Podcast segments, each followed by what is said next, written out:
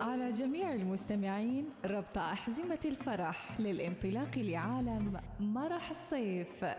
مرح الصيف عالم نقترب فيه من محطات مختلفة في السياحة الداخلية والخارجية ونعيش لحظات فيها المتعة والفائدة حول أهم محطات السفر الحالية. مرح الصيف مرح الصيف معي أنا إناس ناصر يأتيكم في الأوقات التالية.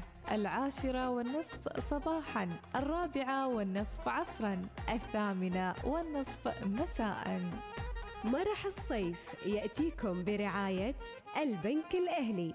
حول راتبك إلى البنك الأهلي اليوم واحصل على 10% استرداد نقدي. الوصال الإذاعة الأولى.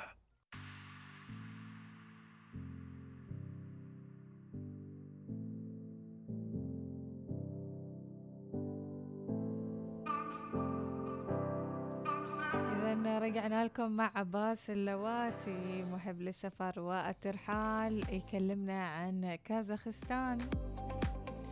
وكان يتكلم قبل آه، قبل لا نرجع كان يتكلم عن سهولة السفر لألماتي بطريقة ما تتصورونها. يا ترى إيش السهولة اللي يعني تكلمت عنها يا عباس؟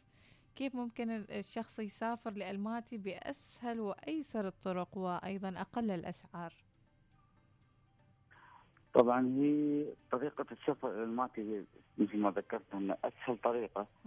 أولا ما تحتاج إلى فيزا. عندك مدة إقامة لم 30 يوم. طبعا كل الخليجيين اللي موجودين.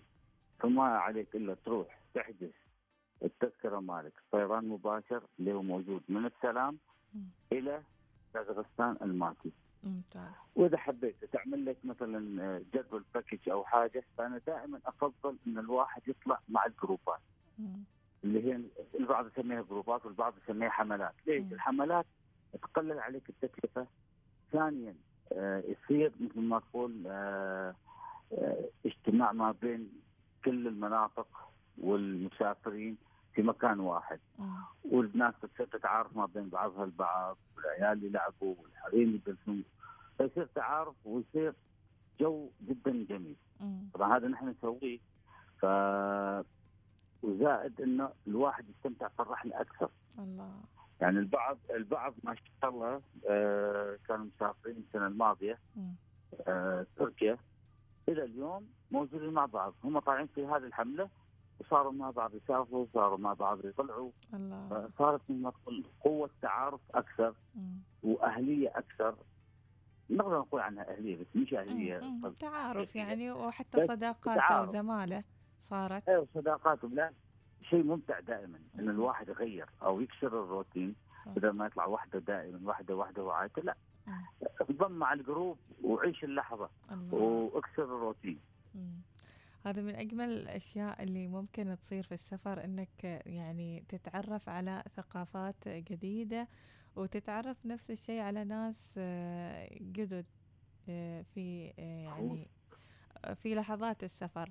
فيعني مثلا يعني عباس أنت في فترة طويلة هناك في كازاخستان وأيضا وجودكم في كازاخستان يساهم بطريقة وبأخرى في ترويج السياحة هنا في سلطنة عمان. كيف ساهمت أنت شخصيا في إنك تروج وتحبب الناس هناك سواء كان في ألماتي أو حتى السياح اللي يجون في ألماتي لأنهم يزورون سلطنة عمان.